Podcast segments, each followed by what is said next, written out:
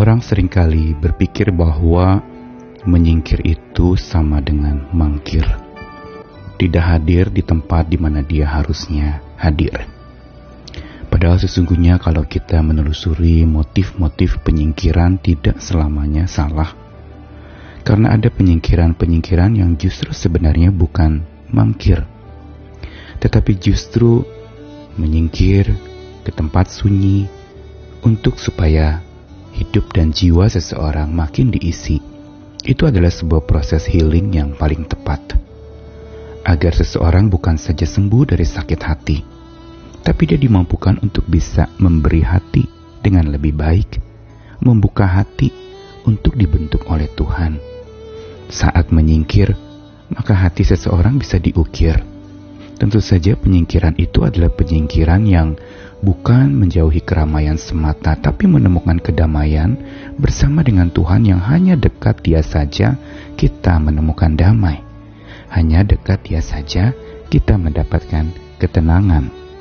Karena itu ketika kita menelusuri tentang penyingkiran-penyingkiran yang dialami oleh Yesus, itu makin mengajarkan kepada kita tentang betapa pentingnya penyingkiran bagi Yesus. Menyingkir diri agar mengukir hati. Saya Nikolas Kurniawan menemani lagi dalam Sabda Tuhan hari ini dari Matius pasal 14 ayat 13 sampai ke 14. Setelah Yesus mendengar berita itu, menyingkirlah ia dari situ dan hendak mengasingkan diri dengan perahu ke tempat yang sunyi. Tetapi orang banyak mendengarnya dan mengikuti dia dengan mengambil jalan darat dari kota-kota mereka. Ketika Yesus mendarat, ia melihat orang banyak yang besar jumlahnya. Maka tergeraklah hatinya oleh belas kasihan kepada mereka. Dan ia menyembuhkan mereka yang sakit. Kalau kemarin kita mendengarkan tentang penyingkiran Yesus, bayi Yesus ke Mesir oleh Yusuf dan Maria atas instruksi Tuhan agar menjauhi peristiwa yang mengerikan yaitu pembunuhan bayi-bayi pada masa lahirnya Yesus itu. Maka kali ini kita melihat bagaimana sebuah pola atau kebiasaan menyingkir yang dilakukan Yesus sepanjang pelayanannya. Penyingkiran yang dilakukannya juga seperti penyingkiran yang dikehendaki oleh Tuhan saat dia lahir, yaitu penyingkiran yang justru bukan untuk sekedar tidak hadir atau menjauhkan diri dari sesuatu. Tetapi menyingkirnya Yesus adalah sebuah menyingkir yang penuh dengan misi dan visi. Misinya dipertajam saat dia menyingkir, dan visinya itu makin diisi saat dia menyingkir. Konteks Matius pasal 14 Yesus baru saja mendengar berita tentang kematian Yohanes Pembaptis yang mati dipenggal oleh raja. Dan ini tentu saja menyebabkan duka cita, kabung yang luar biasa. Dan saat itu kita lihat bagaimana Yesus pergi mengasingkan diri menyingkir dengan perahu ke tempat sunyi. Pertanyaannya apakah Yesus menyingkir hanya sekedar dalam masa healing untuk perkabungan, berita tentang kematian Yohanes Pembaptis itu adalah satu berita yang menyedihkan. Namun Yesus tidak sekedar menyingkir karena dia berkabung, tapi dia menyingkir justru untuk bergabung dengan Tuhan, dengan Bapaknya di tempat yang sunyi, dengan Allah Bapa yang menemani dia. Dan ini merupakan satu tabiat serta kebiasaan yang Yesus lakukan sepanjang pelayanannya untuk dia terbiasa hidupnya diisi justru lewat penyingkiran diri. Hidupnya dikuatkan justru lewat pendekatan diri dengan Bapaknya. Dan penyingkiran Yesus kali ini adalah sebuah penyingkiran yang sesungguhnya dia tidak memberitahukan kepada banyak orang.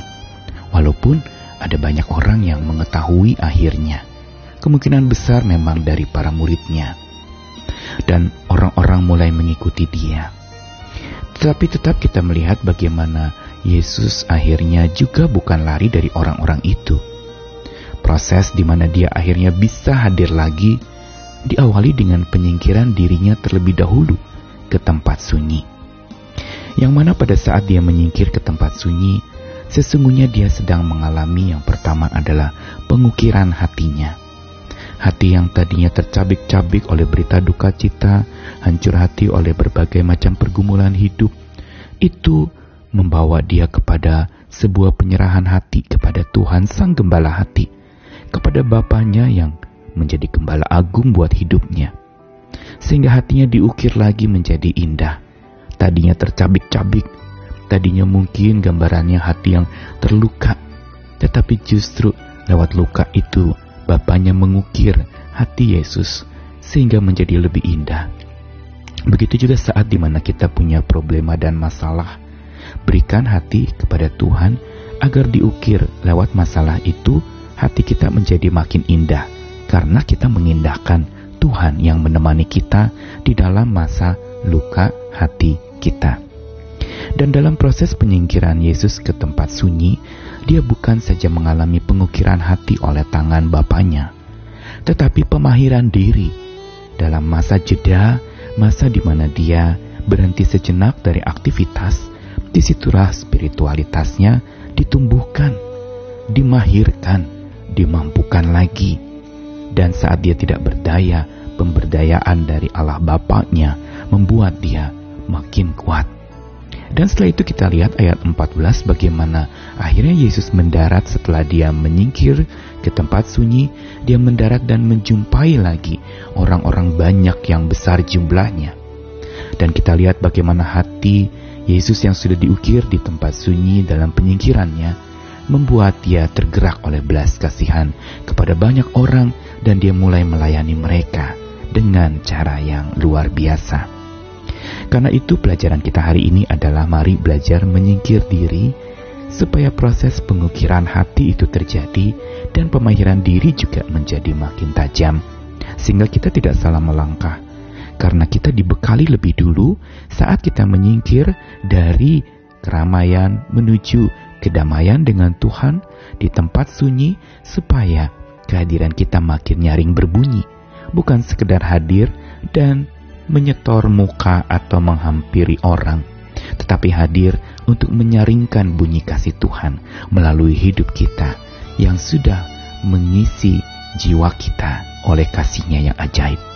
Mari belajar menyingkir diri untuk mengukir hati dan memahirkan diri. Tuhan selalu beserta dengan kita lewat masa sunyi dan sepi sendiri berdua bersama Tuhan. Kita makin diukir dan dimahirkannya. Selamat menyingkir bersama dengan Tuhan Sang Damai. Amin.